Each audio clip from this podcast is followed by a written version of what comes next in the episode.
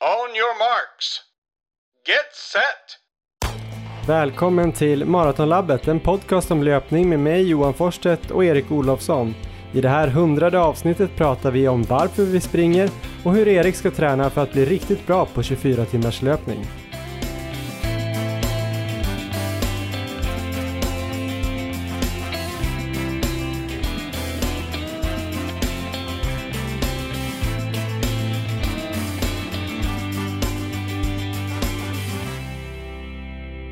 Varmt välkomna till avsnitt 100 av podcasten Maratonlabbet. Eh, vi som har gjort den här djupdykningen i löpningens underbara värld sedan januari 2018 är alltså då jag, Johan Forsstedt och Erik Olofsson. Hur är läget Erik? Det är bara bra Johan, det är ju helt fantastiskt att vi har nått den här milstolpen tycker jag. 100 avsnitt, eh, jag tror vi har sagt det förut att eh, vi inte trodde att det kanske skulle bli så himla många säsonger eller så många avsnitt, men 100 Känns mäktigt, ett bra jubileum. Hur firar du? Jag firade med att eh, springa 16 kilometer här på morgonen, det tyckte jag var passande. Jag kom faktiskt också in från ett pass precis, eh, körde 20 gånger 400. Ett ja. hjärndött pass, men eh, det gick ju ganska bra så det var kul. Grymt, du har ju annars firat här i veckan jag satt med att prova ett sånt här vinterbad, hur var det? Ja, det var ju nära att det kanske inte blev något avsnitt 100. Ja, det är sant. I alla fall inte med mig. Nej, jag vet inte. Jag eh, har ju faktiskt eh, både åkt off-pist i skogsmiljö i typ en meter puder, vilket ja. jag inte riktigt behärskar, och åkt långfärdsskridskor då på Baggensfjärden här ute mot Nacka-hållet i Stockholm och lyckades då trilla i helt enkelt i en vak, vilket ja. ju inte är helt optimalt om man eh, ja, är människa och inte gillar kallt vatten.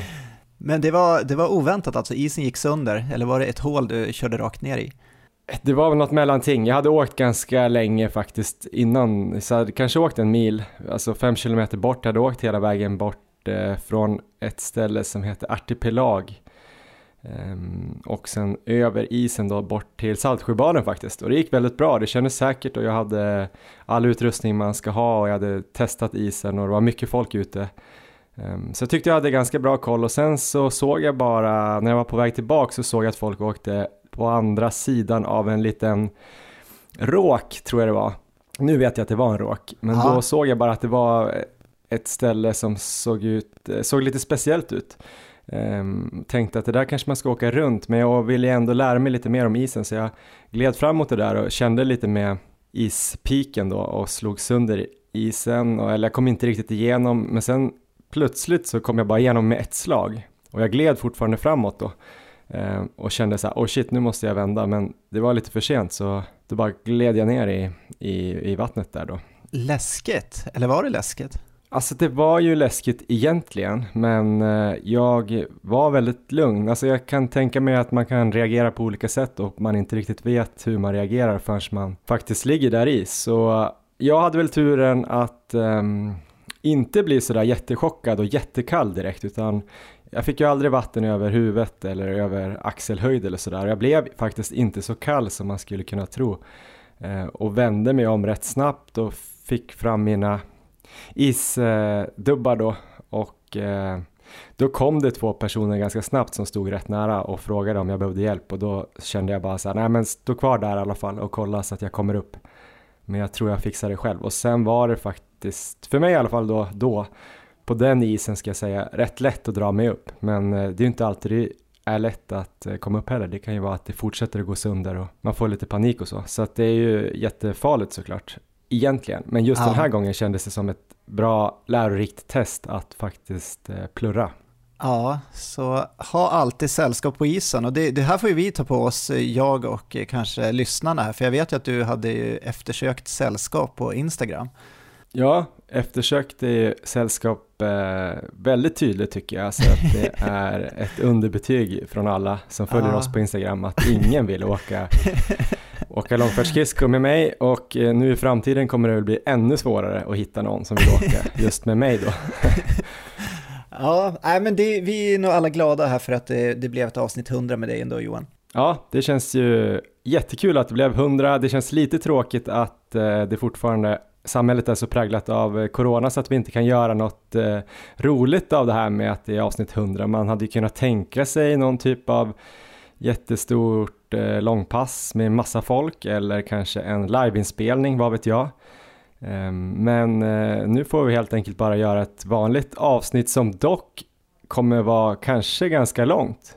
Ja. Eh, och handla om ultralöpning ju Erik.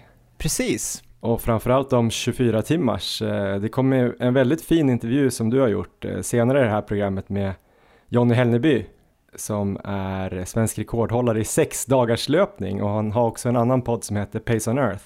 Ja, den var väldigt rolig att göra. Det var väl kanske den första intervjun jag gjorde här i poddens historia, så det var... Härligt att du fick göra en av hundra ändå, det är schysst av mig.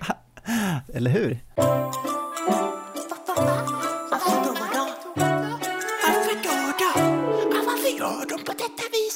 Ja men istället för en stor jubileumsfest då eller något som jag hade kanske hoppats vid avsnitt 100 så tänkte jag att vi skulle köra veckans fråga redan nu istället. Eh, det blir ju nästan lika festligt.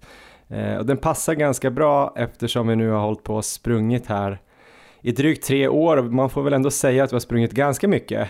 Så frågan här då i avsnitt 100 som jag tror kanske att Eh, många som lyssnar här ibland frågar sig själv eller att de har någon kompis då eller anhörig eh, som kanske frågar en den här frågan och det är varför springer du? Jag tänkte att du kanske skulle få börja svara. Jag har också ställt den här frågan på vår Instagram så vi får se om vi kommer fram till eh, varför man ska hålla på och springa. Ja, det har ju förändrats för mig ska jag säga, för mitt syfte med löpningen när jag började för, det var väl fem år sedan, eh, och då, eh, då var det efter flera år med minimal konditionsträning verkligen. Så syftet då var att gå ner i vikt, att undvika att nå upp till tresiffrigt på vågen. Och under den tiden var ju löpningen inte njutbar överhuvudtaget. Varenda pass var jättejobbigt, eh, mycket jobbigare än vad mina hårdaste kvalitetspass känns idag. Så då var det i princip bara det här målet då som drev. Men eh, efter något år så blev ändå syftet mer resultatinriktat i och med att eh, vi började träna tillsammans och fick det här målet med att ta oss under tre timmar på maraton. Och då började man komma på den här nivån ändå att eh, vissa pass kändes roliga och utmanande fortfarande var ju målet eh, den stora drivkraften, men jag kunde även känna att jag började gilla den här resan till målet så att säga. Men jag skulle säga att skillnaden i år gentemot tidigare år är att jag börjar känna att resan till målet nästan börjar bli lika viktig för mig som själva målet nu, och kanske till och med viktigare. För nu känner jag att jag börjar njuta av löppassen på ett helt annat sätt. Att eh, springa långpass till exempel är ju njutning på alla plan nu med dagsljus, den friska luften och löpningen i sig när det liksom bara flyter på så här med en lätt känsla kilometer efter kilometer och mil efter mil. Okej, alla pass är inte så, men när man, när man väl är där och är i den zonen så är det ju fantastiskt. Och fortfarande finns ju målen där, så att eh, jag har ju satt mål som motiverar mig till träning och så, men till skillnad mot tidigare kan jag nog börja känna att jag nog skulle springa riktigt mycket även om jag inte hade något specifikt mål, bara för att få uppleva den här känslan under passen och också efter. Det låter lite som eh, att du använder löpningen som någon form av meditation. Ja, det ska jag säga att många pass har blivit lite åt det hållet. För det är ju många som har svarat då på Instagram som säger att de springer för sitt psykiska eller mentala välbefinnande otroligt många som verkar använda löpningen för att liksom koppla av, inte tänka på någonting annat, eh, kanske hantera stress och oro och sådär. Ja. Eller oro, men alltså just att man kanske jobbar mycket, man kanske har familj och barn och mycket att tänka på. Det är många intryck under en dag, tänker jag, i det här moderna livet och finns kanske inte alltid så stora möjligheter att bara komma ifrån och bara fokusera på en grej. Um, och jag tror nog att det är det som gör att jag kanske gillar löpning så himla mycket och kanske inte alltid gillar att ha med mig ens telefonen eller någonting. Många ja. har ju med den och lyssnar på någonting och sådär. Det gör jag också vissa pass men det kan vara skönt att ha den hemma liksom och inte behöva känna att den kanske ringer eller att det kommer mess eller någonting och så här. Bara kanske komma ut i, i skogen och eh, reflektera egentligen. Till exempel inför den här inspelningen så valde jag att skjuta lite på den. För jag ja, mådde lite halvdåligt i morse. Jag var lite så här småtrött, lite ont i huvudet, eh, kände att jag inte kunde fokusera riktigt. Då stack jag ut och körde det här 20 x 400 passet som jag egentligen inte var särskilt sugen på heller. Men Eh, jag visste ju att jag skulle antagligen ta mig igenom det och må ganska mycket bättre och, och lyssna nu hur skärpt jag är och eh, intellektuell jag känns, eller? Ja. Det måste ha funkat så. Eller hur? Nej, men jag fick en helt annan energi i alla fall och eh, det känns mycket roligare att, um, att göra den här podden till exempel just nu. Men uh, så det är ju en grej och sen är det ju många andra faktorer som gör att det är bra att springa och jag tänker typ att springa så här typ tre, fyra gånger i veckan det är ju liksom en no-brainer egentligen. Alltså man kan ju såklart använda en annan motionsform men uh, just det här med att man kanske får bättre hälsa, alltså hjärtat blir starkare och att man kommer orka mer i vardagen och kanske leva längre och kanske få bättre immunförsvar, man sover bättre. Alla de här grejerna gör ju att det är värt att lägga några timmar i veckan på löpning. Så det känns så här eh, helt rimligt att köra typ fyra pass löpning och två styrkepass i veckan. Det är ju konstigt om man inte vill göra det, eller hur? Ja, Men nästa fråga blir då det här som eh, man kanske kommer in på sen då, eller som många kanske som lyssnar på den här podden också ibland ställer sig. Varför ska man börja springa så här sju gånger i veckan, alltså varje dag? Och kanske framför allt sen när det blir så här dubbelpass. Den frågan kan jag ställa mig ibland och, och där är du kanske den som måste ha bäst svar Erik. Varför springer du liksom 23 mil i veckan ibland? Ja, men om man tar dubbelpassen, jag börjar tänka på det just när du nämnde det, då är det kanske mycket målet som ändå driver. Ehm, men just att springa varje dag, det är ändå någonting som jag, som jag gillar. Så är det en dag där jag inte springer så tror jag ändå jag saknar det lite grann. Men det, för mig det, finns det båda delarna. Det är dels målet då som driver och att träna mot det och eh, även känslan under, under passen. Så att det är lite 50-50 för mig tror jag. Många som svarar på frågan här på Instagram om man eh, tränar då mer kanske då än 3, 4, 5 gånger i veckan varför folk gör det och då är det ju väldigt många som just nämner målet att de vill bli snabbare eller att de vill nå en viss tid eller Eh, ja, bli bättre helt enkelt och då kan man ju fundera på varför det spelar någon roll om man kanske då är jättehälsosam och springer på 35 minuter på milen eller jättehälsosam och springer på 34 minuter på milen. Då börjar man ju komma till det här, kanske inte filosofiska, men där tror jag nog att det är lite grann att man vill eh, ha den här utvecklingen helt enkelt som människa kanske. Vissa gillar att renovera eller bli jättebra på att spela gitarr eller eh, stickar superfina koftor. Sådär. Men då kanske man själv har hittat det här med löpningen, att, att man kan tänka på den ibland och lägga upp ett eh, intressant träningsschema, utföra det och sova rätt och äta bra och så ser man att ja, det här går mycket snabbare och lättare nu än vad det gjorde för några månader sedan. Så det är kanske en härlig känsla, på samma sätt som man ja, kanske byter ett eh, golv i ett torp eller något och tycker att det blir jättehärligt och sen så direkt när man är klar med det så byter man taket och sen när man är klar med det så vill man eh, mura om skorstenen ja. och så blir man liksom aldrig riktigt nöjd med det heller men det blir bättre och bättre och bättre. Ja, och du kan väl stå och njuta av det där golvet eh, i torpet också och mm, på samma sätt så kan man ju i alla fall ett tag njuta av när man väl sätter de här löpmålen. Även om man ofta brukar titta framåt så eh, det är ju en speciell känsla. Mm. Så löpning är bra, så fortsätt lyssna på Maratonlabbet. Vi kommer fortsätta spela in nya avsnitt fast vi har nått 100. Angående det här med löpning då Erik, hur har du tränat sen sist? Jag har fått eh, revidera min träning lite grann, eller min träningsplan, så att det har, eh, de senaste två veckorna har inte varit eh, på topp. Jag nämnde ju i senaste avsnittet där på slutet att jag hade haft lite känning i nacken under vissa pass och det där har suttit i här så att jag har kunnat springa men jag har fått eh, korta av många pass. Eh, så det är lite frustrerande just att jag vill ju springa långt nu och det har jag väl inte riktigt kunnat göra så att eh, jag har väl de senaste två veckorna snittat ändå 11 mil men framförallt då så är det de här längre passen som som jag inte har kunnat köra för att efter sådär 30-40 minuter så börjar jag bli stel i nacken och ja, jag vill ju inte springa på eh, mer känningar helt enkelt. Så idag så har jag faktiskt bokat in tid hos eh, naprapat så att jag ska dit efter inspelningen här och eh, hoppas komma till rätta med de här problemen så att jag kan börja följa den träningsplan som jag nu vill sätta för mig. Kom det här eh, nu när du började springa riktigt mycket och när du gjorde det här eh, 10 mils passet eller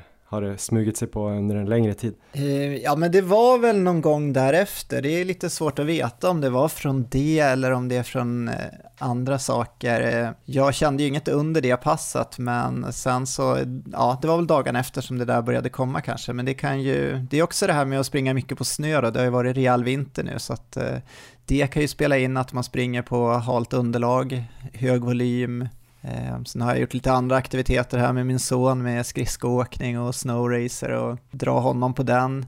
Så att det är ju... Sen har du börjat i ett hårdrocksband också va? Och börjat headbanga mycket. ja, det, det är kanske den mest troliga orsaken. Men, men det, det kommer jag fortsätta med så att det... ja. Så där, där, ja, det är en no deal. Eh, så, så det, det, det rör vi inte, men eh, jag, jag hoppas mycket här på um, naprapaten idag och att han bara helt magiskt ska eh, lösa det här åt mig. Härligt, jag hoppas det blir bättre för jag ser fram emot din ultrasatsning, verkligen. Så jag är lite orolig faktiskt, så jag hoppas att det blir bättre. Ja, tack. Hur har det sett ut själv här? Vi fick ju höra om ett pass här. Har det hänt något mer spännande? Ja, men jag drog igång min eh, 12 veckors plan här som jag pratade om i förra avsnittet. Det drog jag igång förra veckan, så jag hade min första Tinman-vecka. Eh, så då körde jag ett sånt där CV-pass. Jag körde ganska snällt första 10 gånger 600. Jag tror jag landade på 3.25 snitt. Det här var ju på löpband. Eh, så jag vet ju inte exakt om löpandet stämde, men eh, avslutade i alla fall med 4 gånger 200 i 3 blankt eh, kändes bra. Och sen hade jag ett progressivt tempo här i fredags 30 minuter rakt av. Och det var väl också då med start 3.45 ner till 3.35 eh, det kändes ändå som eh, att farten där stämde hyfsat bra. Speciellt med tanke på dagens pass då, då körde jag väl de här 20 gånger 400 och eh, kunde ligga då ja, strax under 3.30 i, i snitt då, 30 sekunder gå och vila och det var då första passet på min eh, modifierade Ingebrigtsen-vecka. Så jag kommer köra 20 x 400 idag och så blir det väl eh, tusingar på onsdag och så backe på fredag långpass lördag. Just så det. det känns eh, spännande och eh, nu ser det ut att bli riktigt varmt här i veckan, i alla fall här i Stockholm då, där jag sitter ska det vara 10 grader här i, i veckan. Och, så det blir nog något shortspass kanske. Det känns ändå kul. Ja, men vi går ju mot en ljusare tid nu får vi hoppas på alla sätt här. Och eh, löpmässigt så kanske det kommer in lite lopp här framöver också, vi får väl se. Vi har också några samarbetspartners eh, till den här podden och eh, först vill vi då eh, prata lite om Löplabbet som ju är Sveriges största och bästa butikskedja för löpning. De har ju åtta butiker runt om i landet och så en väldigt bra webbshop de har ju varit med oss här eh, ganska länge och eh, på löplabbet.se kan ni hitta ju allt ni behöver i prylväg för löpning. Men där finns också en hel del användbara tester och tips och bland annat finns det en skoväljare som kan eh, hjälpa till när man vill hitta rätt sko. Då kan man fylla i olika så preferenser vad man har om man vill ha att den ska vara mycket dämpning, om den ska vara mjuk eller fast, om den ska vara bred eller smal eh, om det ska vara liksom en tempo eller distans eller tävlingssko.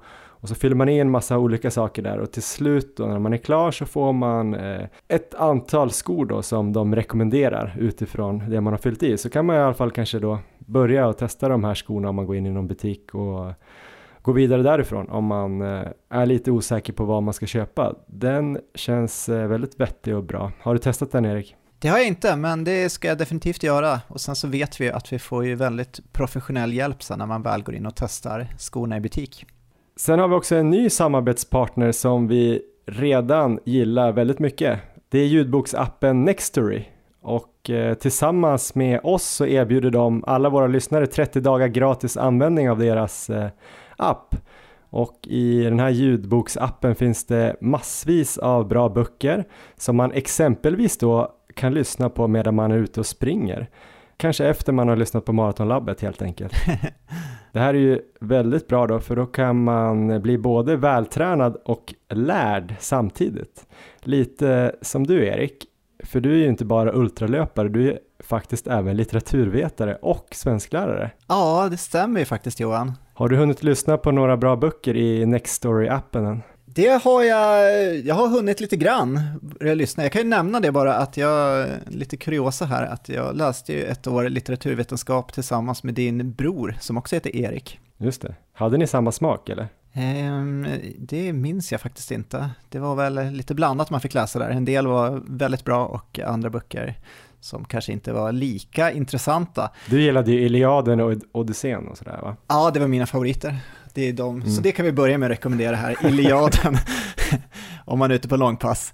Men eh, vi kan väl eh, nämna här en bok till att börja med, som, eh, som jag dock har läst i bokform, men jag såg att den finns här som ljudbok på Nextory. Vi har tips om den förut, det är Frontlöparen, Gunder Hägg, hans uppgång och fall av Björn Lundberg. Och det här är verkligen den perfekta boken för långpasset, löpning och historia när den är som mest intressant. Där får vi följa Gunders uppväxt i Jämtlands skogar och sen till han slår världsrekord på löparbanorna. Och den är ju knappt 11 timmar lång, så vill man vara ute riktigt länge där så har man ju en bra bok för det passet. Vad, vad tyckte du om den Johan? Du har ju också läst den. Jag tyckte den var riktigt bra och inspirerande och eh, eftersom vi är från Jämtland så kändes det också som det var kul att läsa den för det fyllde i kanske lite luckor så jag känner mig lite mindre historielös eh, nu. Och det var ju fascinerande hur jäkla bra han var trots att han tränade som han gjorde. Han körde ju då inga 11 timmars långpass och lyssnade på ljudböcker utan han stack ut och sprang eh, typ max i 30 minuter och gärna i eh, meterhög djupsnö och sådär. Eh, så det var kul att få den där bilden och också just den här beskrivningen av eh, ja, tiden runt andra världskriget och sådär. Ja, precis. Har du någon eh, bok som du har spanat på Johan? Ja, men jag kollade bara snabbt igenom och eh, jag gillar ju stadsserien av eh, Fågelström. Kanske är något för alla stockholmare och jag bor ju i området som han beskriver ganska mycket. Alltså det märks ju verkligen att vi har haft de här hundra avsnitten tillsammans nu, för mitt andra tips var just den här bokserien av Per-Anders Fågelström. som börjar med Mina drömmars stad här. Ehm, och det var ju lite med tanke på dig där att du bor mitt på Söder där stora delar av handlingen utspelar sig. Ehm, men ja, det var ju bra att vi har samma tips, så det, det, vi kör på det helt enkelt. Och eh, även om man inte bor i Stockholm så är den här bokserien väl värd att lyssna på. För att få de här 30 dagarna då gratis användning av den här ljudboksappen så går ni in på www.nextory.se kampanj och då registrerar ni er där och så använder ni koden maraton, alltså bara maraton. Sedan laddar ni ner appen, om ni inte har den redan så loggar ni in där och har tillgång till allt gratis i en månad. Eh, det här kommer då gynna både er själva då såklart och även Maratonlabbet och skulle ni inte gilla tjänsten då mot förmodan så är det enkelt att sen avregistrera er innan den här provperioden går ut då. Eh, och går över till ett vanligt abonnemang. Så nu har jag 30 dagar där, fri lyssning och eh, det är också en väldigt bra e-bokstjänst där, så om man hellre vill läsa då när man kommer hem från passen i badkaret på en läsplatta eller liknande så funkar det superbra också.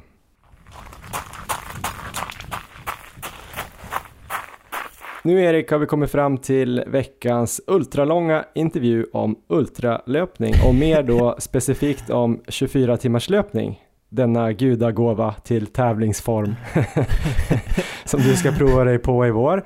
Du har gjort den här intervjun och den är jättefin eh, och lång. Ja. Vill du berätta mer om den här intervjun då som du har gjort med Jonny Hellneby från eh, ja, ultralöpningspodden Pace on Earth? Ja, precis. Jonny, han är ju även svensk rekordhållare på sexdagars löpning där han har tagit sig 88 mil.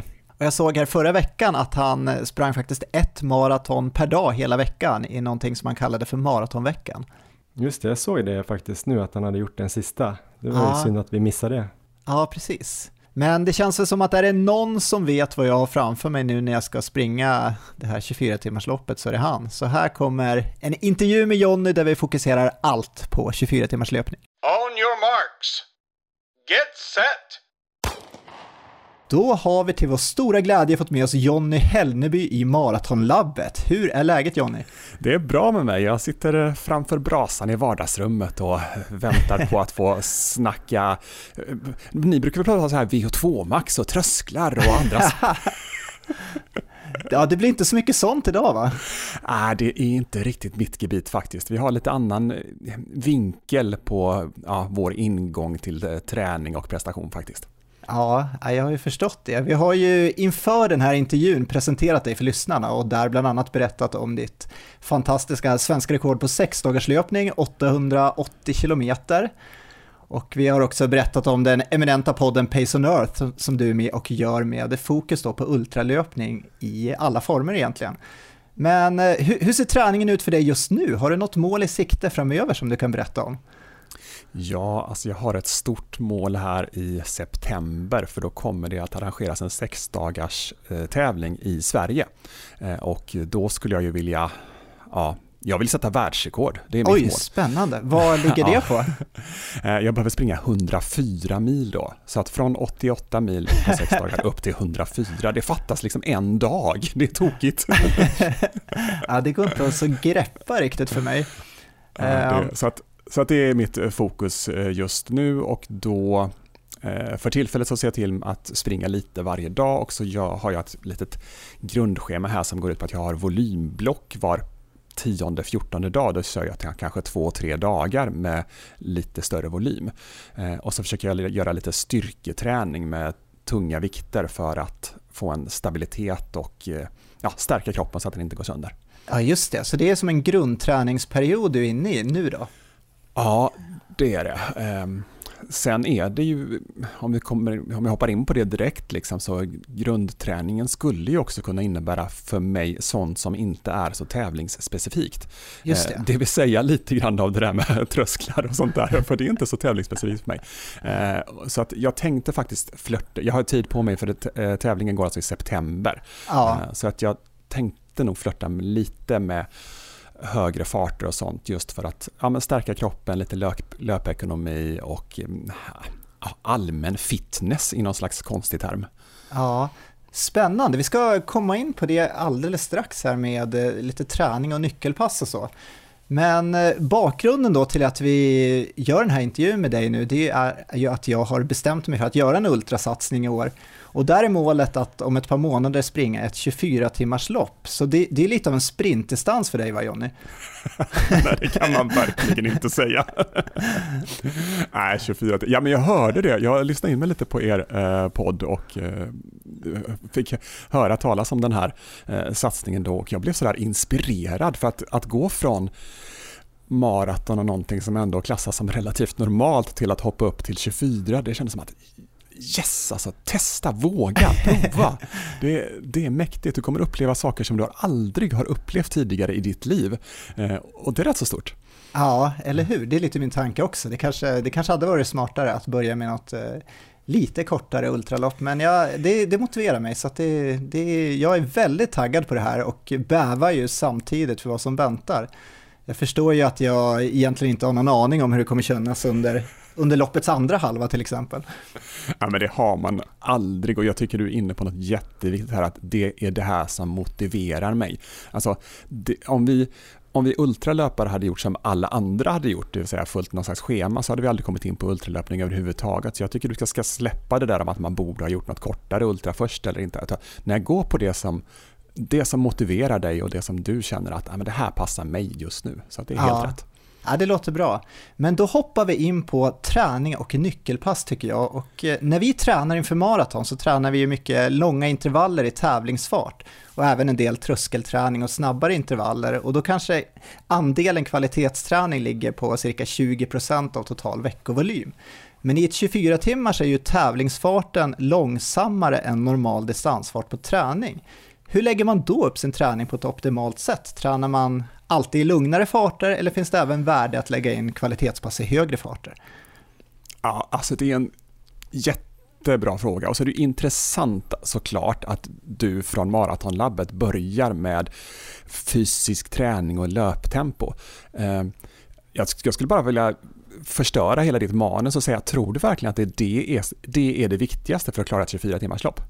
Nej, jag, jag har insett att den mentala biten som vi kommer in på sen kommer nog bli ännu viktigare. Jag, jag, tror att du har två delar som kommer att bli viktigare innan du kommer in på din löpförmåga och det är den mentala delen och det är hur din mage fungerar. Ja. Eh, men låt gå, vi kan börja den här änden då. Ja. jo, eh, någonting du är inne på där är ju det här med att träna tävlingsspecifikt i tävlingsfarter. Eh, och det blir ju konstigt i ultra i och med att det är långsammare än en normal träningsfart. Men jag tycker att det är mycket, mycket märkligt att det är så himla få personer som ställer upp på ultra som faktiskt har tränat i tävlingsfart. Ja. Alltså, man behöver ha testat sin tävlingsfart innan man går in på tävling. Det, alltså, det är som självklarhet, men ofta har man inte gjort det för att nej, i träningen så, ja, jag tar det lugnt och jag vet ju att det här, det här passet i det här tempot är bättre för min eh, allmänna kondition eller syreupptag eller fettförbränning eller whatever man nu siktar på. Eh, men för att klara en tävling på ett bra sätt så behöver du vara förberedd för just den uppgiften och därför måste kroppen ha fått testa på det scenariot och den motorik som krävs. Och då kanske det är typ sex minuters tempo eller whatever för, ja. för någon som ligger så snabb på morgonen som du. uh, uh, nej men det, det, det, är ju så himla individuellt vad det tempot är, men att ha att ha testat det. Uh, du försökte slänga in i, fråg i, frågan där om det ändå kan finnas vits med snabba pass. Och ja. Tja, det beror väl på vad man är intresserad av nästan skulle jag säga. Ehm, I grunden är upplägget, borde upplägget vara väldigt likt ett vanligt träningsupplägg, det vill säga ju närmare tävlingen man kommer, desto mer tävlingsspecifikt tränar man. Just det. Och vad man sen riktar in sig på innan den perioden blir lite grann kanske upp till vad man har för styrkor och svagheter och vad man tycker är roligt och vad som motiverar en. Eh, det går absolut att argumentera för att du kan träna lite, lite snabbare grejer för bland annat för löpekonomins eh, skull och så. Men man skulle lika gärna kunna argumentera för att du bara ska träna lågintensivt för att öka fettförbränningen så mycket som möjligt eller att du ska köra hälften av dina pass ska vara meditation istället för löpning eller bara rörelse eller styrketräning. Alltså det går att vända och vrida där på väldigt åt väldigt många håll. Eh, det är inte ett måste på samma sätt i ultralöpning att ha de här ehm, om vi kallar det, om vi tar tröskelpassen som exempel, ja. det, är faktiskt, det är faktiskt inte ett måste. Eh, det är det inte. Eh, men överhuvudtaget att man är medveten om att den här strategin som gäller för andra former av tävling gäller även för ultralöpning, det vill säga ju närmare tävling, desto mer tävlingsspecifikt. Ja, just det. Ah, du, du, du, hör ju, du kan fråga vad som helst, jag går in på en rand på en halvtimme, så att passa dig. Äh, jag tar risken ändå och frågar dig, hur, hur, har du själv gjort här inför dina 24 timmarslopp? Du har ju sprungit ett par stycken. Äh, har du alltid lagt upp träningen på samma sätt eller har du testat lite olika och hur har det slagit ut? Ja, eh, jag har gått in på väldigt mycket låg puls. Um, och jag kallar det nästan för MAF-metoden, uh, Maximal Aerobic Function, från den här Phil Mafferton som så att säga grundade det. Men det inte, blir det inte riktigt rättvist för det är nog snarare så att jag har kört ett, ett zonsystem och ja, i en femzonsskala då har jag legat i zon 2 liksom, typ på alla, uh, alla pass. Um, sen har jag också gjort så att jag har försökt springa väldigt mycket backe. Eh, så att jag kör, och då har jag riktat in mig på uppförsbacken ja. Eh, och, och försöker hitta en möjlighet att göra det i zon 2. Så det går jättelångsamt. Eh, men jag håller mig i låg pulszon och jag springer uppför. Ehm, och på det sättet så får jag en grundstyrka som är då lite överkapacitet jämfört med när jag springer på, på platten. Sen har jag kommit på i efterhand att de här att springa ner för backen har ju också varit väldigt, väldigt nyttigt för då får jag eh, extra slag på kroppen som innebär ja. att jag får en ökad slagtålighet och efter sådär 8, 10, 24 timmar då behöver man ha eh, en överkapacitet även vad det gäller eh, vilka slag man tål mot kroppen. Så på det sättet är nedförslöpningen också väldigt mycket värd. Just det. Men jag har legat väldigt mycket på faktiskt lågintensivt året om och det, det gjorde, jag startade nästan med det typ 2012-13 när jag kom in i ultralöpning och sen fastnade jag där för att det gick tillräckligt bra. Jag fick utveckling på den träningen. Eh, och så länge jag fick utveckling så tyckte jag att det var vettigt. Eh, sen kan jag de, kanske de senaste typ tre åren ha insett att äh, jag måste varva med någonting annat för att få vidare utveckling från den här platån jag är på eller från det här stadiet jag är på just nu. Eh, och det har nästan varit svårare för mig att liksom gå tillbaka till en mer ja, normal löpträning. Just det, jag har ju tänkt på, när vi tränar för maraton så handlar ju mycket om att vara utvilad och, återhämtade till eh, kvalitetspassen. Eh, men just eh, när man kör, eh, jag tänker det själv i alla fall, jag har inte läst det någonstans, men när man tränar nu inför till exempel ett 24 timmars, då kanske det kan vara ganska bra ibland när man ska ut på eh, längre pass då, att eh, man kanske är lite sliten redan från början just för att komma in i den här delen då som man, ja, jag antar att man upplever i slutet av ett 24 timmars lopp att man är väldigt sliten muskulärt och så och att kanske börja eh, och vara lite sliten inför passet kanske inte är hela världen, då kanske man får springa långpasset lite kortare men ändå få en bra effekt av det. Vad tror du om det? Ja, ehm, det där tycker jag är lite både och. Det är en väldigt, väldigt vanlig strategi för ultraträning. Eh, Ja. Jag är lite ambivalent för vad risken är också att du kommer att träna på att springa med dålig teknik. Just det. Och det är dumt, det är rent av korkat.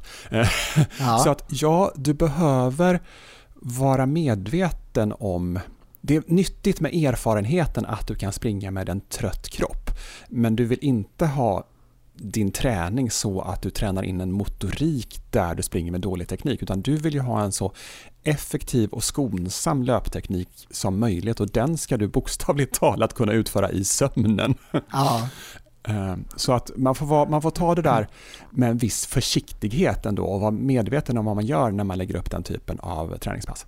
Just det. Ska vi gå in lite på eh, några så här nyckelpass som man kanske bör ha klarat av innan man ska springa ett 24 timmars? Du pratade lite här i inledningen om eh, volymblock som du lägger in ibland. Eh, är det någonting man bör göra inför ett 24 timmars lopp? Eh, Alltså för mig funkar det väldigt bra för att jag har eh, historiskt sett har inte jag klarat av volymveckor så himla bra. Alltså inte många på raken utan då blir jag Alltså det är lätt att jag får någon liten känning någonstans eller jag blir lite förkyld eller något sånt där. Så att för mig har det funkat mycket bättre att lägga eh, två, tre dagar och så ha lite överlånga pass på de dagarna. Ehm, men det är nog också åter upp i, alltså vad passar i livet och sådär. Eh, I, I grunden så är jag inte så himla mycket för de här överlånga passen egentligen för att löpmässigt så tränar vi upp det mesta på pass upp till två till tre timmar. Där får vi alla de liksom fysiologiska förbättringar som vi egentligen eh, kan räkna med och den ytterligare förbättring vi kan få genom att vara ute längre, den ja, riskerna med att vara ute längre i skademässigt och så är för stora egentligen för den vinsten. Eh, Men sen har vi det här mentala biten och biten med magen. Och för att få in de träningsmöjligheterna eller erfarenheterna, då är det svårt att undvika de överlånga passen. Eh, Men då tycker jag att man återigen ska vara medveten om, okej vad är syftet med det här passet? Ja, men är jag ute på ett sex timmars pass så kanske jag ska fatta att okej, men nu tränar jag egentligen energi och jag kanske tränar på en form av mental träning. Jag ska testa lite olika mantran eller jag ska visualisera att jag får problem och sen se hur jag kan lösa det. Eller alltså andra sådana här tricks eh, med passet än att det faktiskt är löpträning som är fokus. Ja, just det. Eh, spännande. Ett annat begrepp som man hör eh, ganska mycket om är ju sådana här ultraintervaller, där man springer under 24 timmar, men det är väl var tredje timme tror jag. Är det någonting som är bra att lägga in?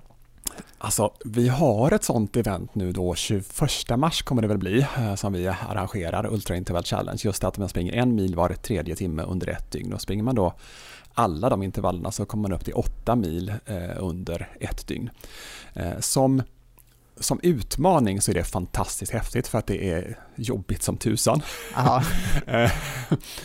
Som erfarenhet av vad det innebär att springa med en trött kropp och få problem med energiintag och sådär så kan det också vara nyttigt.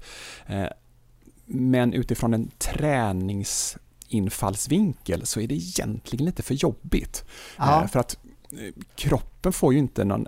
Ska du springa en mil var tredje timme så får ju kroppen ingen riktig återhämtning. Utan det blir bara så att den hinner stelna till lite innan du ska ut på nästa pass. Och det är nästan mest dumt ur, Aha, den, okej. ur den fysiologiska synvinkeln. Liksom. Eh, Men du får väldigt, väldigt mycket andra delar med.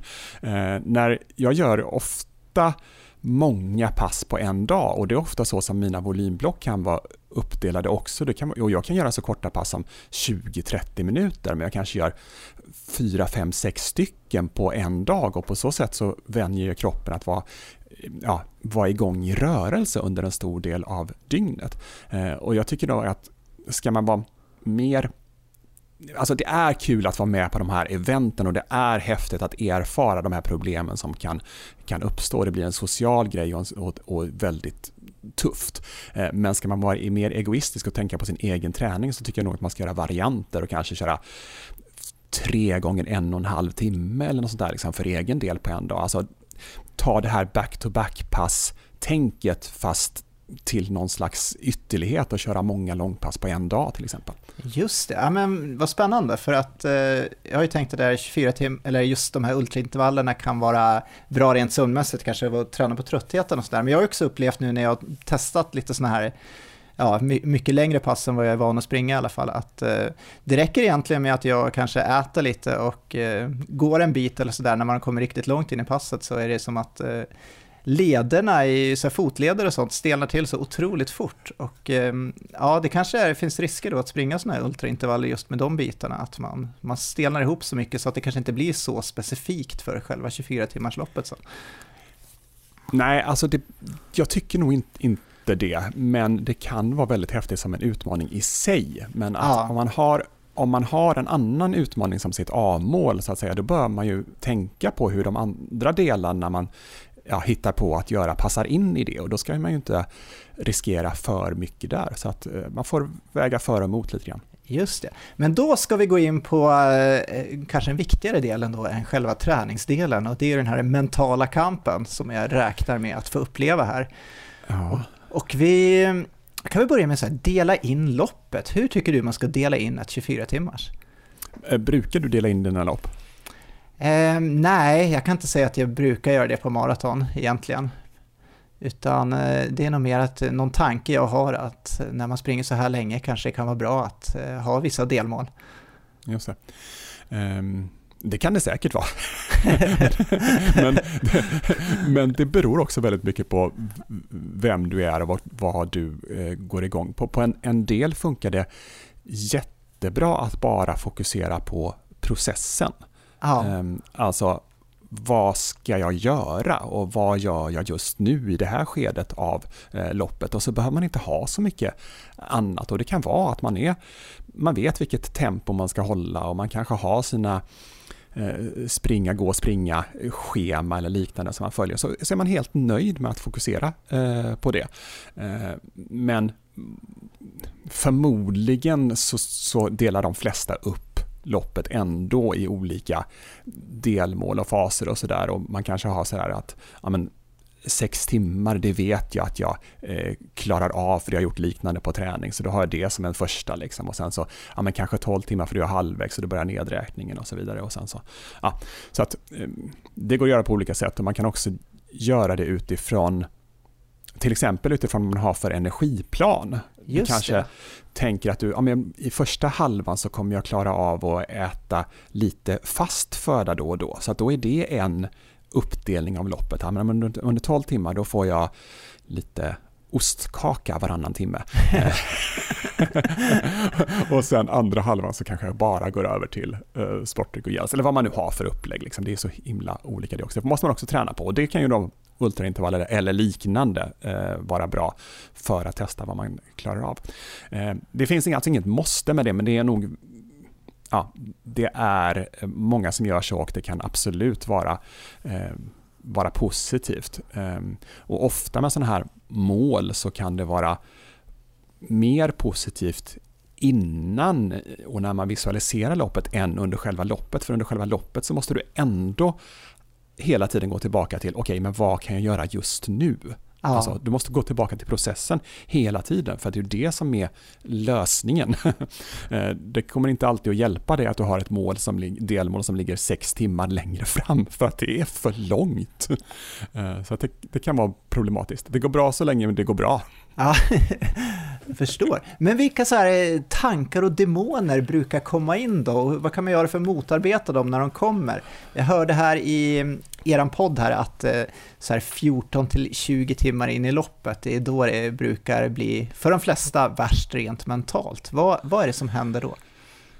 Ja, um, det är mycket som händer mellan 14 och 20 timmar för att inte nog med att det är jobbigt mentalt för att det är fortfarande långt kvar. Um, jag menar, har du sprungit i 14 timmar och har 10 timmar kvar. 10, 10, alltså, ja, du förstår själv, 10 timmar är ganska länge. Ja, det är det. Uh, så att det är mycket, mycket sånt. Um, sen vad som händer är ju mycket vad man har lagt. Det som har hänt mig ganska ofta är ju att jag hamnar i någon slags otrolig djup svacka för att jag tror inte att jag ska nå mitt mål. Jag har hittat på innan att loppet ska gå på ett visst sätt och att jag vill uppnå ett visst resultat. Och sen känns det alldeles, alldeles för avlägset när jag ja. är sådär 15-16 timmar in i loppet. För jag är ju redan så här trött och jag kommer ju inte orka, alltså jag saktar ju ner hela tiden just nu och jag kommer inte orka det här. Och då kommer det bara bli värre och värre och allting är för jävla... Ja, och, och, och liksom sådär. Um, så att det blir en slags kombination av att man har förutsagt framtiden. Dels har du förutsagt framtiden innan du startar loppet för att du tänker att ah, men jag ska springa 20 mil, jag ska springa 24 mil eller whatever. Uh, och jag menar, om du kan förutsäga framtiden så kan du hitta ett annat jobb. Eh, och sen så gör du samma sak under loppet, att du vid 15-16 timmar in, då förutsäger du framtiden igen. Nej, jag kommer aldrig orka hålla det här. Alltså, du vet inte. Du, ja. du kan bara göra ditt bästa just då. Eh, så att det är en fälla vi går i hela tiden som är jättesvår att komma ifrån. Liksom. Man måste, om man ökar medvetenheten om den och försöker liksom träna och vara förberedd så kan man naturligtvis undvika lite. Um, så att det är väl det, det största. I 24 timmars lopp så brukar man inte hamna i typ hallucinationer och sånt där knasigt, utan det, det brukar mer komma efter flera dagar. Just det. Jag hörde ju här, jag hörde ju för sig här att i ett av dina 24 timmar så raglade du runt som en zombie och eh, började springa åt fel håll bland annat. Är det så det brukar se ut i slutet av 24 timmars lopp? Kommer folk från så här alla möjliga olika håll då eller? nej, nej, nej. Nej, jag blev lite trött. Eh, och sen hade jag ett mantra under det loppet som handlade om att jag skulle vara i rörelse hela tiden. Jag skulle inte sluta springa, jag skulle bara fortsätta. Så att när jag blev så här borta i huvudet så hade jag ändå bestämt mig för jag ska inte sluta, jag ska inte sluta.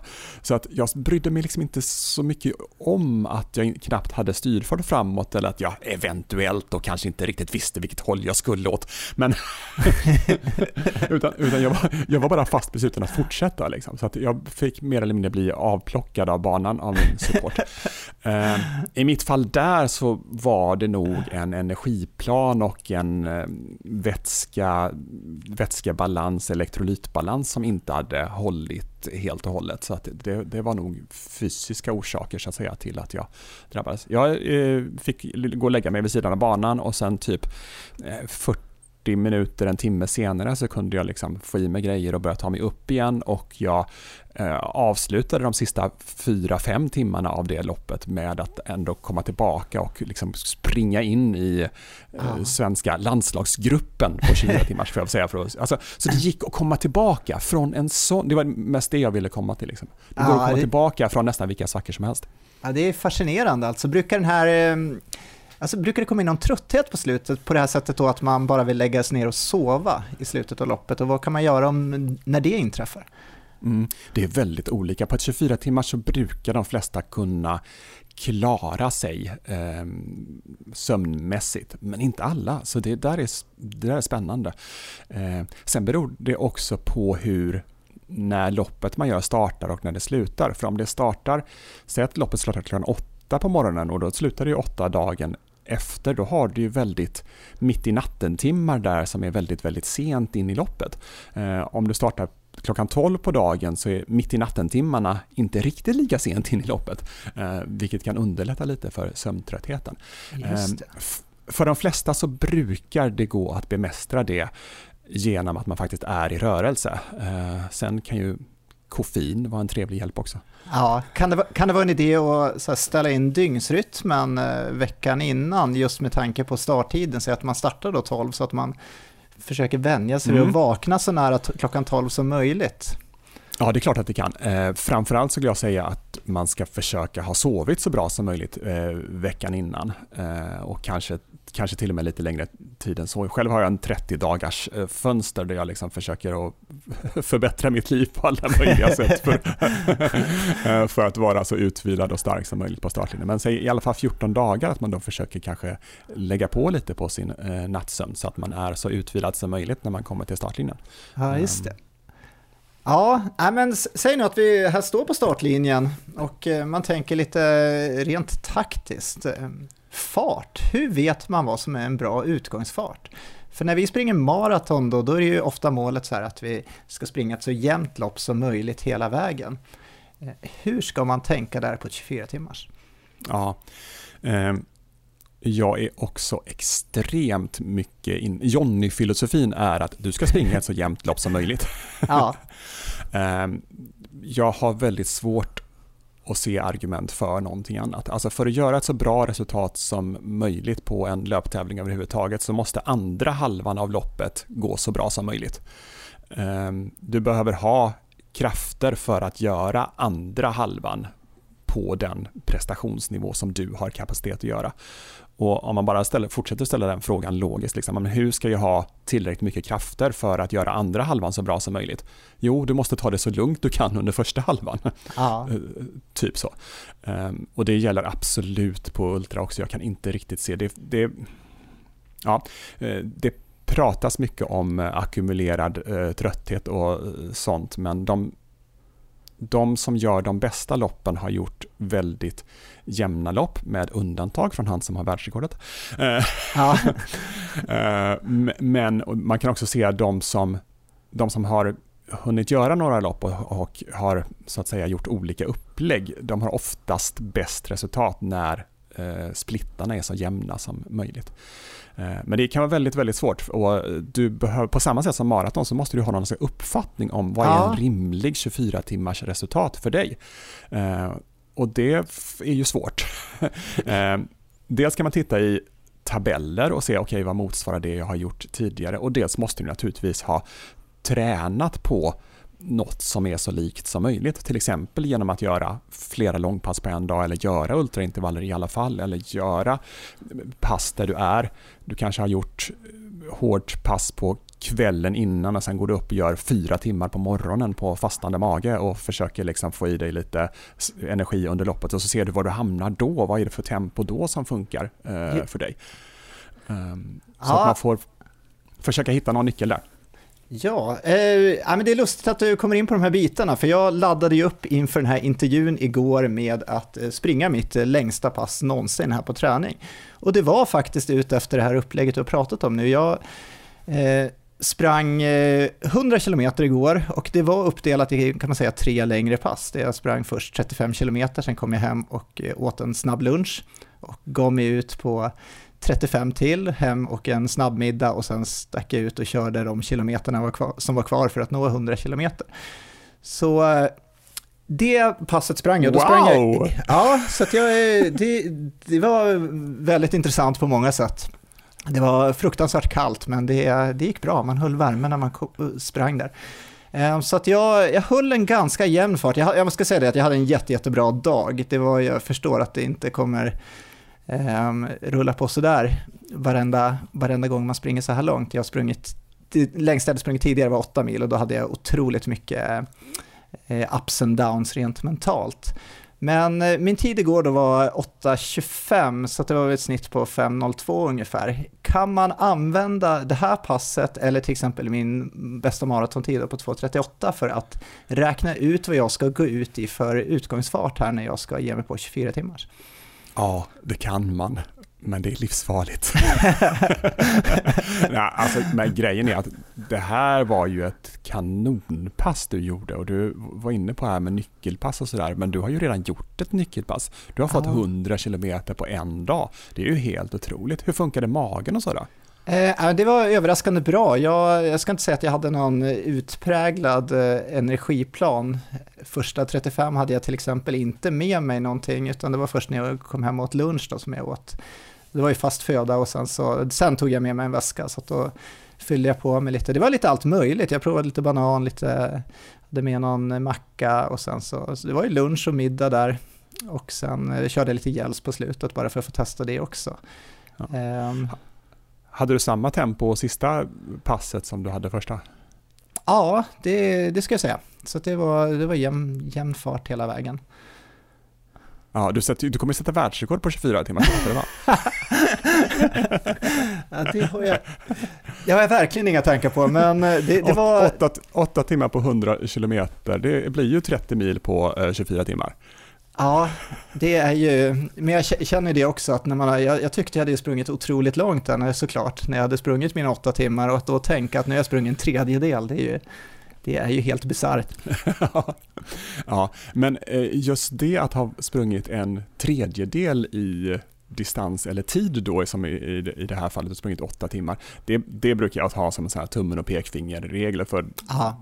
de flesta liksom, tävlingar. Jag tycker det funkar på maraton också. Liksom. Har du sprungit en tredjedel av distansen eller den tiden, då kommer du palla tävlingen i alla fall. Eh, du kanske inte kommer att liksom, tävla i eliten eller, eller få ut ditt allra, allra liksom maxpotential, men du har, du har lagt basen för att eh, klara, eh, klara tävlingen. Men det är klart att det här ger ganska tydliga indikationer om att du kommer kunna hålla ett relativt sett väldigt bra 24 timmars eh, tempo. Ehm, sen skulle jag också säga, för du, nu när du gör det här så har du ju lite pauser emellan och absolut, absolut. de allra flesta mm. vinner ju på att ha om man tar det här springa, gå, springa idén till exempel. Eh, för att eh, om man till exempel eh, springer 55 minuter och går 5 minuter, eh, då får du en adekvat ändring av motoriken och pulsen kan gå ner lite igen och så vidare, så kan du springa 55 minuter eh, igen. Så det kan vara ett sätt att förlänga tiden då du kan ha då löpningen kan kännas bra. Ja. Vi, vi hade väl en svensk här, Henrik Olsson, som vann VM Exakt. i 24 timmars 2009 och han hade alltså lagt in fem minuter gång varje timme under hela tävlingen va? Ja, precis så. Precis så. Eh, och så. Nu kommer inte jag ihåg exakt vad han slutar på, men han, men han slutar på drygt 25 mil, nästan 26 ja. mil tror jag. Eh, och eh, med ett sånt springa-gå-upplägg. Eh, och det, eh, det kör jag också både på 24 timmars och jag kör till och med det på 6 dagar. Så på 6 dagar har jag eh, ofta 25 minuter löpning och 5 minuter gång. Så jag kör 25-5 i 6 dagar. Men det, det, kan vara, det kan vara en tanke att köra det upplägget då. Då tänker jag också med just så energiintag, vi ska komma in lite på det, men jag tar den frågan direkt här, att när man ska äta då under en sån här tävling, är det bra att lägga in det under den här gångperioden, att helt enkelt gå och äta? Brukar man stanna och äta, om stå still, eller vad, vad brukar de flesta göra? Eh, det beror på vad du vill ha ut av loppet. Alltså, vill du bara testa att göra en 24 timmars och hålla igång i 24 så kan du ju stanna och äta om, om du känner för det. Men eh, du har tyvärr inte Nej. Du har tyvärr inte den lyxen. Du är för bra löpare för det. Eh, så allt du kan göra i rörelse ska du göra i rörelse. Ja. Ehm, så är det. Du, du ska, ska du byta t-shirt så gör du det i rörelse. Ska du äta så gör du det i rörelse. Ska du pissa... Nej, vänta. Du får gå på toa, förlåt. ja, det är bra. Eh, Rune Larsson säger att uh, om man springer längre än 100 km då får man stanna när man ska pissa. Ah, Okej, okay. tur, tur. ja. Uh, så att jo, du passar på och speciellt om du då har lite fast föda också i ditt schema så passar du på att ha det under gåpauserna. Uh, dryck och gels och sådär kan du naturligtvis. du, du kan ändå inte hålla ett högre tempo, eh, alltså intensiteten får inte vara så hård så att du inte kan få i dig energi. Eh, men här är det ju jätte, jätte individuellt vad man klarar av för någonting. För jag menar, springer du hårt typ 1500 meter, då klarar du såklart inte av att äta någonting. Alltså då, Ja. då, är, då är intensiteten för hård. Eh, springer man sex dagar som jag är inne på, då måste man ju ha det så lågt så då kan man liksom stanna och äta och då kan man, då får, kan man äta precis vad som helst egentligen. Och sen är det var är du på den skalan på ett 24 timmars? Det kan hända att de här, de här träningspassen liksom som du gör nu får visa lite, ja, men klarar jag av att äta något litet under den här intensiteten eller är jag en sån som faktiskt måste testa att gå på ja, nästan bara flytande eh, grejer. Det blir Ja. svårt för kroppen, alltså sportdryck och sånt i all ära men det är väldigt det blir en väldigt enahanda belastning på mag-tarmsystemet och upptaget när man bara matar den med samma sak i 24 timmar. Det är väldigt få som klarar det. Eh, så att det är väl värt att försöka varva med något mer fast eh, under, under loppet. Ja, just det. Eh, om vi tar den här fysiska utmaningen då på slutet, när man är, liksom är igång så, så länge, så här, är det, vad brukar de största problemen bli där, muskulärt och ledmässigt tänker jag då? Ja, det är ju lite knasigt här för att ultraträning tycker jag är jättebra för kropp och hälsa. För vi, tar det lugnt, liksom. vi håller inte Ja. på med det där jobbiga som ni gör som sliter på kroppen. Eh, Men eh, ultratävling är en extremsport. Eh, det, jag har svårt att motivera det ur en hälso, ur något, med något hälsoargument. Eh, så att de flesta får ju, får ju ont någonstans. Eh, Ja. och, och då, då, då får man ha lite olika kriterier för vad man ska, vad man ska göra åt det där. Liksom. Och, och det är också väldigt viktigt för hur man klarar loppet. Alltså vad har jag bestämt innan får påverka vad jag gör för någonting. Alltså om, om jag riskerar en kronisk skada, ja, men då är det ju rimligt att man har skrivit, skrivit upp det och pratat med sin support innan om att ja, men riskerar det här att vara en kronisk skada då, då bryter vi. Liksom. Ja, Eh, och sen så, men är man där med Henrik Olsson och kämpar för VM-guldet så kanske man inte bryter för det heller. Så det beror ju lite på hur viktig man tycker loppet är också, så, så krasst är det ju. ja. Ehm, det, oftast så kommer det ju göra ont någonstans. Eh, det, och det beror ju på vad man har sina egna, eh, egna svagheter. Eh, och då ta emot den smärtan eller den utan att, utan att få den att påverka eh, he, hela din situation. Det är ju en, en konstart som man behöver eh, träna på och vara beredd på. Eh, sen är det ju mer jag skulle säga att, att det som drabbar alla är att man blir stelare och stelare. Ja. Alltså det blir svårt att ta upp saker från golvet. Och, alltså, eh, det, på det sättet, för att man, har, man rör sig inom sånt begränsad rörelseomfång så länge. Eh, så att man klarar av det, men man klarar inte av så mycket eh, annat. Och sen så, ja, jag har svårt att beskriva skriva eller säga att det alltid är generellt att man eh, får jätteont i låren eller sådär, utan det blir en, eh, jag skulle säga att alla får en någon slags allmän eh, trötthet som man, eh, som man kämpar med och det är ju på något sätt det som är det stora i det här också, att hur klarar jag som, som människa att fortsätta fast alla signaler i min kropp säger att du borde sluta, du borde sluta, du borde sluta och hur, hur hanterar jag det? Alltså, kan jag låta rörelsen vara det viktiga och bara vara i rörelsen och liksom jag kan nästan betrakta det där som någon slags externa signaler på sätt och vis fast det kommer från, från din egen kropp liksom. Men du har ju bestämt att du vill vara i rörelse just nu. Ja. Och hur, hur hanterar du då de här signalerna som kommer och kan du liksom bara titta på dem med lite distans och säga att okej, okej låret, jag hör dig, du är trött, men jag tänker fortsätta nu i alla fall. Så att, eh, sådär. Ja, vi, Eh. vi brukar ju fokusera mycket på eh, när vi springer maraton, att man kanske försöker tänka på de bitarna som ändå känns bra. Om man nu har ont i låren så kanske det är andra delar av kroppen att det här känns ändå, ändå bra. Så att eh, det kan ju vara någonting att försöka Verkligen. fokusera på de bitarna. Eh, men du nämnde lite om supporten här, vi ska bara komma in på det en bit också. Vilka är de viktigaste delarna som supporten bör tänka på? Om man nu har support med sig och eh, det går väl att springa ultra ändå såklart, men eh, min plan är ju att Johan här bland annat och kanske någon till kommer vara med och supporta mig. Vad, vad är viktigt för dem att tänka på? Ja, jag hörde att Johan var överförtjust över att stå på sidlinjen i 24 timmar och titta på ett hamsterhjul. ja. Ehm, det viktiga är väl att ni har pratat igenom situationen innan ehm, och framförallt det som vi snuddade vid att vad, vad ska få påverka din fortsatta insats. Det vill säga ja. vad, vad är det som gör att du kan bryta eller vad är det som gör att du kan få avvika från planen. Eh, så. Och sen så vara peppande och tydlig kring det som support. Att, att påminna då och då liksom att ja, ja visst, men nu, nu, jag hör att du har ont i knät liksom, men nu, nu fortsätter du. typ. ja. Eh, men det är också väldigt mycket upp till mm, vad man går igång som, eller går igång på. Eh, för att det kan vara det kan en del tål inte alls att höra tider och varv. Nu sprang du det här varvet på den här eller nu har du tio minuter upp till eh, den person som är före dig eller ja, du kommer att du kommer komma fyra. Och så alltså en del går inte alls igång på det medan för andra så funkar det jätte, jättebra.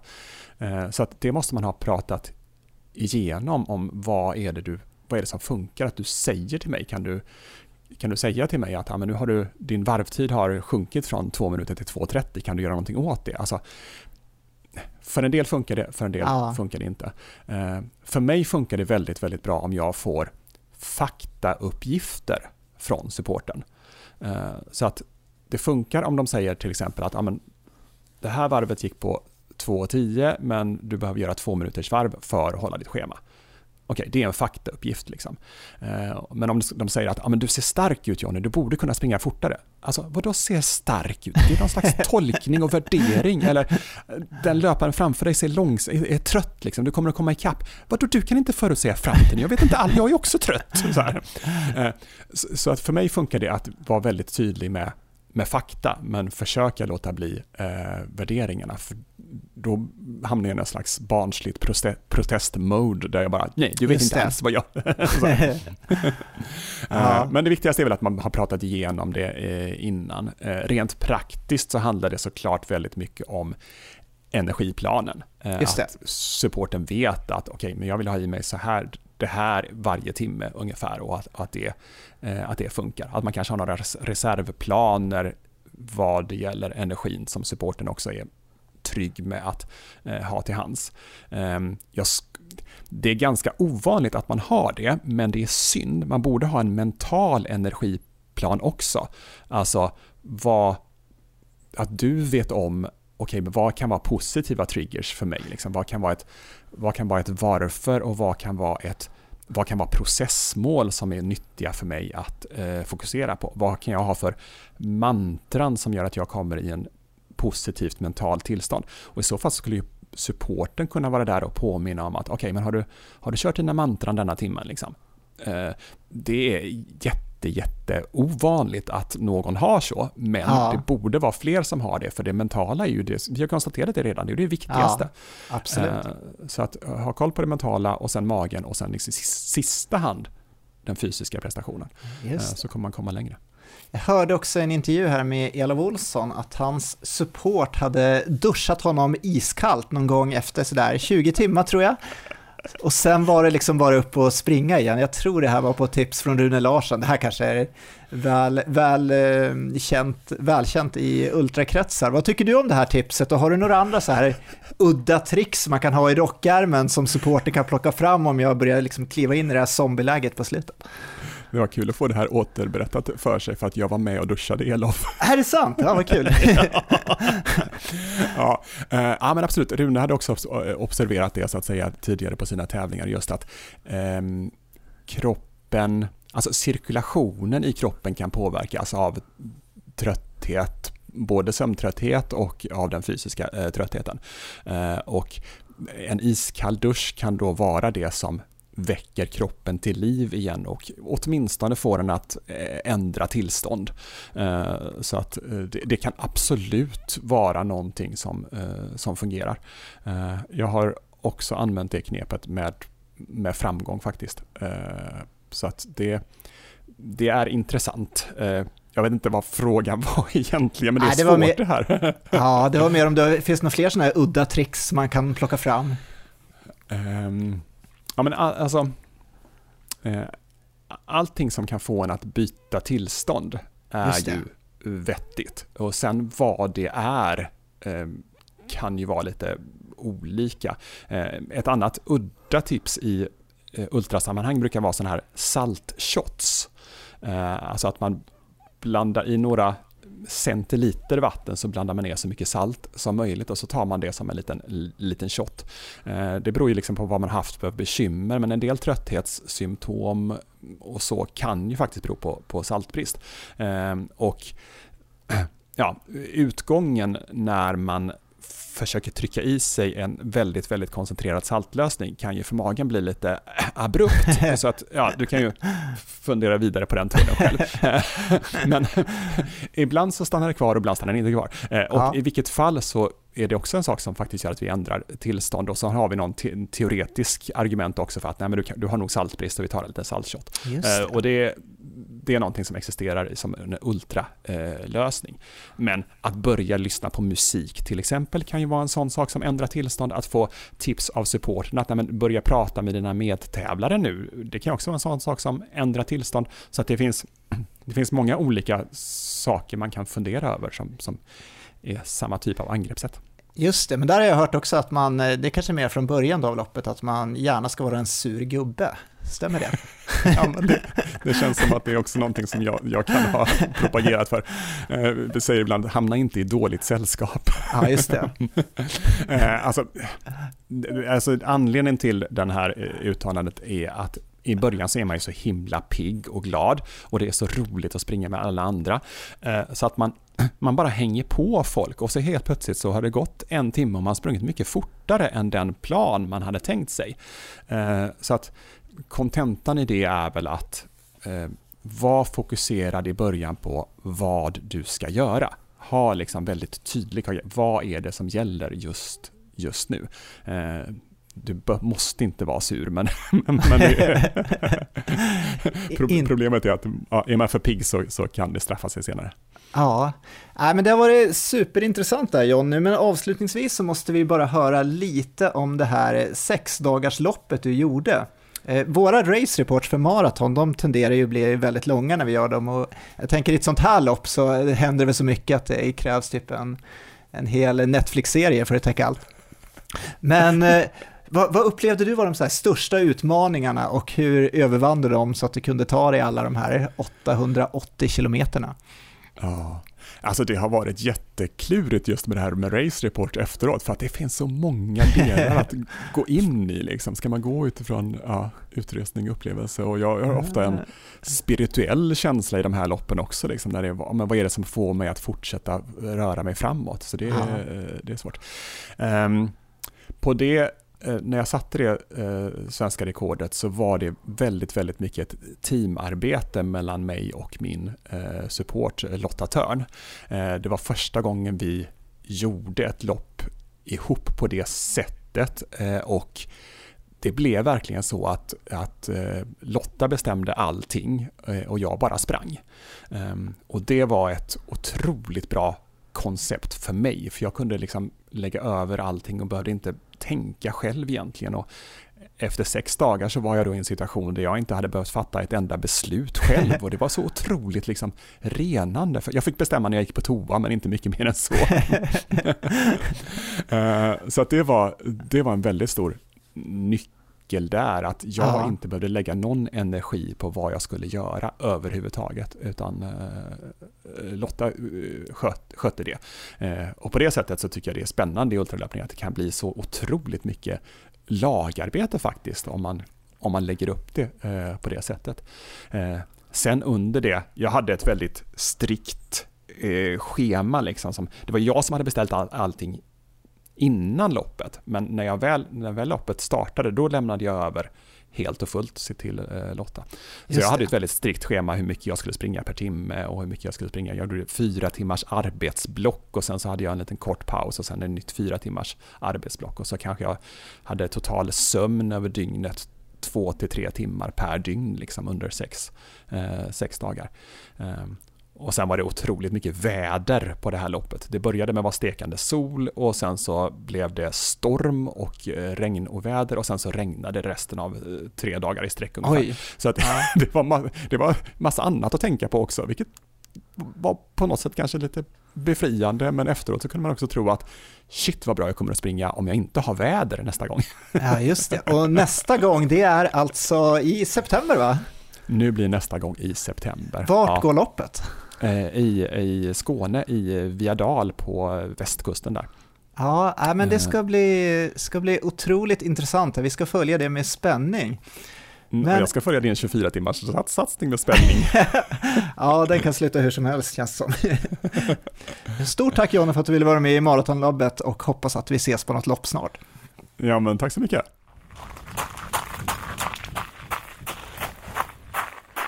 Ja men då tackar vi då Erik Olofsson och Jonny Hellneby för den där fina, långa, härliga, genomgående löpningslivsbejakande intervjun om eh, 24 timmars löpning.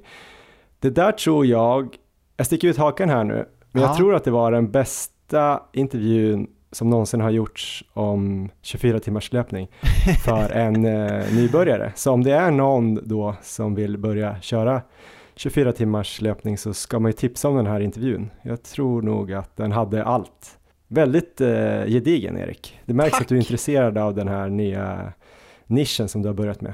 Jo, men det är jag och det, var ju, det känns ju som att eh, jag försöker suga åt mig all kunskap jag bara kan nu så att eh, den här upplevelsen ska bli så bra som möjligt. Men vad tar du med dig då från den här intervjun? Jag antar att du hade någon typ av plan redan innan intervjun för hur du ska träna och nu kanske du har reviderat något. Eh, hur känns det nu när du går in? Om nu nacken blir bra så här, vad ska du göra för att eh, ja, göra ett riktigt bra 24 timmars lopp här i, i vår eller början av sommaren? Ja, men jag känner att jag fick massor av bra tips här ehm, och det är precis som du säger att jag hade ju en, en plan innan. Så det är väl vissa saker som jag kanske plockar bort från den planen jag hade innan nu och vissa saker jag ändrar på. Men eh, jag har ändå en del egna idéer också som jag kommer gå efter. Men framförallt så, eh, jag ser det lite som att även om jag inte tränat för ultralöpning eller sprungit några ultralopp överhuvudtaget så eh, det känns inte som att jag kommer in oförberedd in i den här satsningen utan de här tre åren nu som jag har bakom mig när vi har kört podden där jag har trappat upp volymen då från 440 mil 2018 till 650 mil förra året. Eh, och även då haft många sådana här höga volymveckor. Det gör ändå att eh, man kan säga att eh, jag har förberett mig egentligen för den här satsningen i tre år och nu ska det liksom ske. Så att jag är eh, väldigt laddad och eh, min största oro, om vi börjar med det, eh, inför det här loppet, är egentligen inte då mentala svackor eller att energiplanen ska fallera. För eh, om jag lyckas med den träningsplanen som jag eh, nu kommer sätta framför mig så kommer jag nog redan ha tränat på att hantera alla de bitarna. Så oron jag har är egentligen hur jag ska lyckas genomföra den träningen jag vill och planerar att göra utan att dra på mig känningar som det gör att jag kommer bli tvungen att revidera den planen. John är inne på i den här intervjun att eh, riskerna är för stora med de här överlånga passen, att man då riskerar att dra på sig skador kanske. Eh, jag tror ändå att det kommer ge mig så mycket, både fysiskt, mentalt och att få träna in en fungerande energiplan, att jag tycker nog ändå att de överväger eventuella risker för mig. Eh, Med det sagt kommer jag inte springa så här med känningar och jag kommer ju bryta direkt om det inte skulle kännas bra på något pass. Det är typiskt att han sa det där efter att du hade gjort det här 10 milspasset och fått ont i nacken. Ja, men om vi går in lite på, på det då, 10-milspasset. Eh, Min plan nu med träningen är ju att jag kommer jobba vidare egentligen eh, på det här passet. För jag har ju, jag har ju två pass då som jag kört på åtta timmar. Och min förhoppning och mitt mål är att på träning jobba upp det här till att köra som längst eh, 16 timmar i sträck. Och eh, gärna under det passet då springa under natten, alltså kanske avsluta på natten.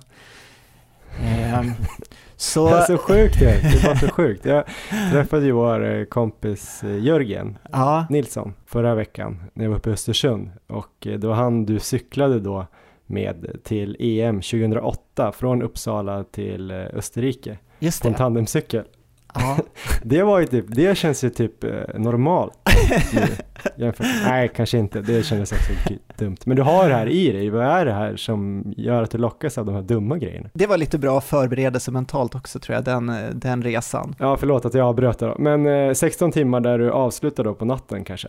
Ja, men jag tror det om jag om jag springer och klarar att springa så långt att jag är uppe på 16 timmar, då kommer jag nog få uppleva alla de här delarna som kommer in i ett 24 timmars lopp med mentala svackor, sömnbrist, muskulär trötthet med mera. Plus att jag då kommer att få träna på den här energiplanen vid ganska många tillfällen om jag ska bygga upp det här passet mot 16 timmar, så att då kommer liksom den delen också kännas trygg. Mm. Sen så fattar jag att, eh, jag menar två tredjedelar, det är ju inte samma som att springa hela 24 timmars loppet, men eh, i intervjun pratar Jonny där om att mellan 14 och 20 timmar så eh, är det lite av den värsta delen. Så att jag kommer ändå liksom vara inne och nosa på den delen och få uppleva det delvis i alla fall. Men jag ska inte kliva på rakt upp på 16 timmar utan planen nu, nästa steg, det kanske blir att köra 10 timmar med korta pauser och sen få in ett 10 timmars pass med eh, bara gångpauser för energiintag.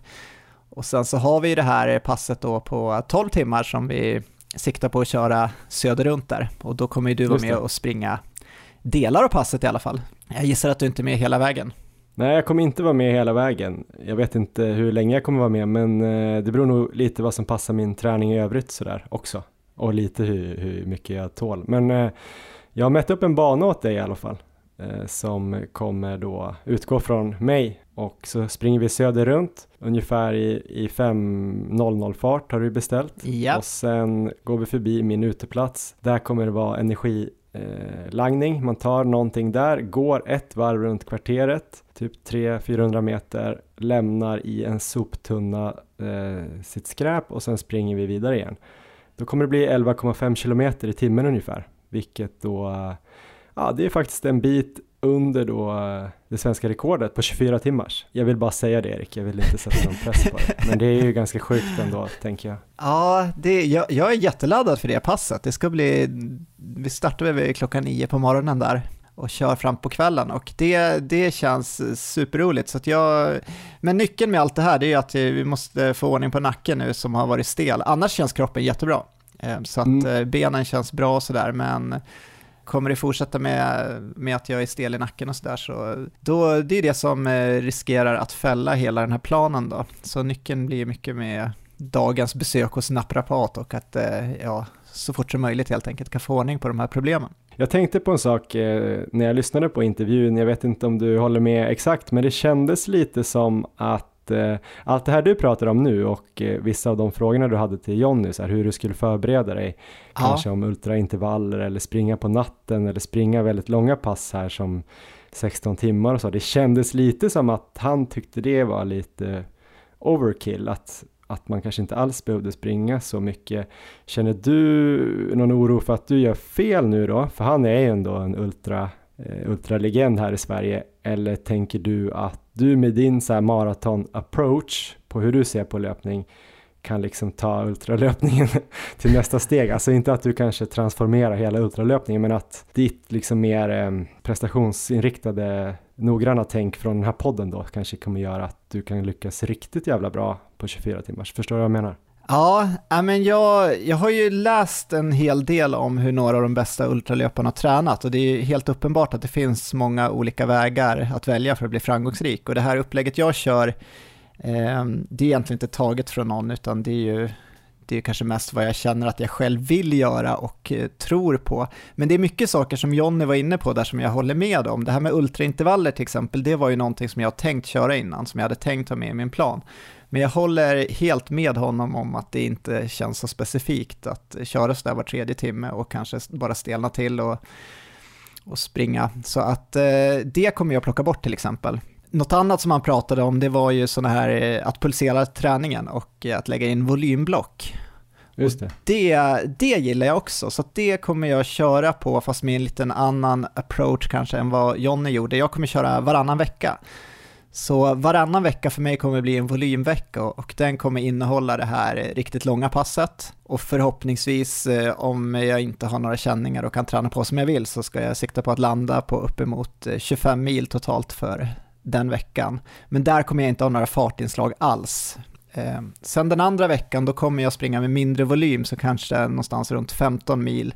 Men där jag kan lägga in fartpass som jag känner att kroppen känns bra. Så då, där kan det bli något tröskelpass kanske, eller critical velocity. Vi vet ju att eh, Tom Swartz eh, med framgång tränat ultralöpare som fick köra CV regelbundet i träning.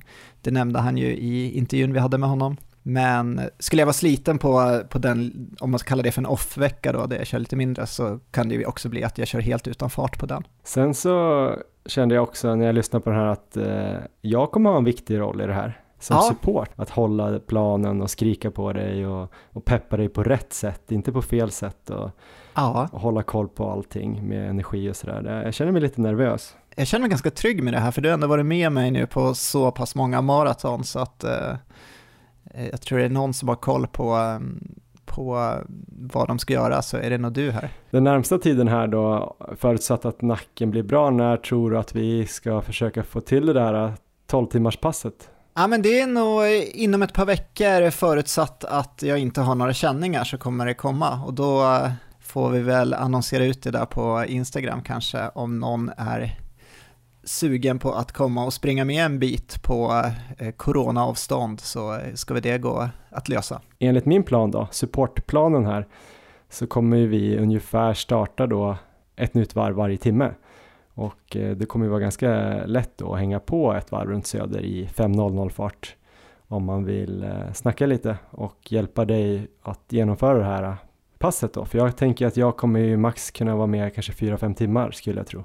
Ja, det är ändå bra. Eh, och sen blir det ju då hela eftermiddagen och kvällen när jag kommer sitta inne och ja, typ hälla upp energi åt dig och äta popcorn typ eh, och kolla när du kommer här. Sen eh, får vi väl se då om du kommer tappa i tidsschemat. Men tanken är väl att du ska hålla så nära som möjligt och inte få feeling och springa för fort heller, utan vi ska väl hålla det i ganska jämn pace. Ja, men det ska vi göra, så kör jag på så länge jag inte har några känningar. Det, jag är definitivt beredd att bryta passet om jag skulle få ont någonstans, men det, det ska väl hoppas att jag inte får. Kul! Något mer pass du planerar här framöver? Nej, just nu är det bara fokus på att få ordning på nacken. Jag, eh, jag kan ju springa obehindrat i 30 minuter så att säga, så det blir väl eh, fram till att eh, det är helt bra så får jag väl köra lite kortare pass helt enkelt för att jag kan ju definitivt springa bara, men det är ju, det är ju när jag håller på längre som jag kan få lite känning. Själv då, hur ser det ut? Nu är det alltså en en Ingebrigtsen-vecka framför. Ja men precis, och jag kör ju bara nu enligt det där som jag pratade om förra avsnittet. Så Ingebrigtsen-veckan då, jag nämnde det i början här vad jag ska göra ungefär och sen nästa vecka blir det då en ny sån här Tinman-vecka. Och eh, ser väl fram emot att kunna springa en del ute nu, eller typ allt ute. För jag har kört lite löpanspass och det har väl gått ganska bra på ett sätt så här, mentalt att springa på löpband. Eh, det är ju tråkigt som fan men jag har lyssnat på eh, bra musik, typ Hellacopters och Jonossi och The Hypes och sånt. Som är lite lagom hårt, kanske inte sånt där hårdrock som du lyssnar på och headbangar till när du får ont i nacken, men ja. lite melodier också sådär. Eh, så det har gått ganska bra, men däremot så stör jag mig så himla mycket på när jag inte riktigt vet om löpbandet går i den hastigheten som det är tänkt. Och jag har ju varit på lite olika ställen, coronasäkra ställen ska jag väl tillägga och på väldigt så här, konstiga tider och sprungit. Och haft löpband som har känts väldigt snabba, något, men sen väldigt många som har känts väldigt långsamma och något var nog rent av trasigt och sådär. Och senast jag var så bytte jag tror jag tre eller fyra gånger innan jag körde passet för att det kändes antingen som att något lutar för mycket uppåt och något lutar neråt och något var långsamt och sådär. Men det kan också vara jag som är i någon sorts superform och tycker att alla löpband känns långsamma. Ja. Vi får se. Utomhus så kan man ju inte, då är det ju vad det är tänker jag. Sen kanske GPSen kan mäta fel, men jag får väl springa på banor om jag ska ha exakt. Nej, men det blir nog bra i alla fall. Eh, det känns eh, kul att gå in i den här perioden och det känns väldigt bra i kroppen och jag tycker 8-8,5 mil känns som att jag springer lite nu, så att det är bra tecken. Det låter bra där Johan. Men eh, då blickar vi framåt då Erik. Eh, man kan ju gå in och kolla då på Instagram, där heter vi Maratonlabbet. Vi har varit kanske lite dåliga på att lägga upp där, men vi ska komma igång med det eh, och uppdatera vad vi har för oss och kanske tipsa om lite pass och liknande. Sen på Strava kommer ju alla våra pass upp och där kan ni då kolla då om, om vi är någon typ eh, som vi snackade om i förra veckan. Jag känner mig ju som att jag har varit jätte, jättenära och varit smygskrytare den här ganska många gånger. För att typ känns ganska lätt att springa ganska fort fast jag haft typ ryggsäck och det har varit dåligt underlag. Så jag har varit nära att skriva det, men jag kan ju typ inte skriva något nu längre känner jag, att jag har slagit knut på mig själv. Men där kan man kolla, vi heter Johan Forsstedt och Erik Olofsson. Sen kan man ju då gå in på löplabbet.se och testa den här skoväljaren. Och så tycker vi också att ni ska gå in då på nextory.se kampanj och eh, signa upp för ett sånt här gratis 30 dagars eh, provperiod på Nextorys eh, ljudboksapp och lyssna på bland annat då Mina drömmars stad, första boken i eh, stadsserien av Per-Anders Fogelström. Ja. Eller varför inte då eh, Frontlöparen av Björn Lundberg. Registrera er där med koden maraton så blir eh, vi jätteglada och ni kommer också bli väldigt nöjda. Var det något mer Erik vi hade att säga idag? Nej, jag tror vi är klara för idag så att eh, vi hörs igen om två veckor. Mm. Ta det försiktigt ner till naprapaten nu då så du inte skadar dig mer. Det ska Lycka jag till! göra. Ha det bra!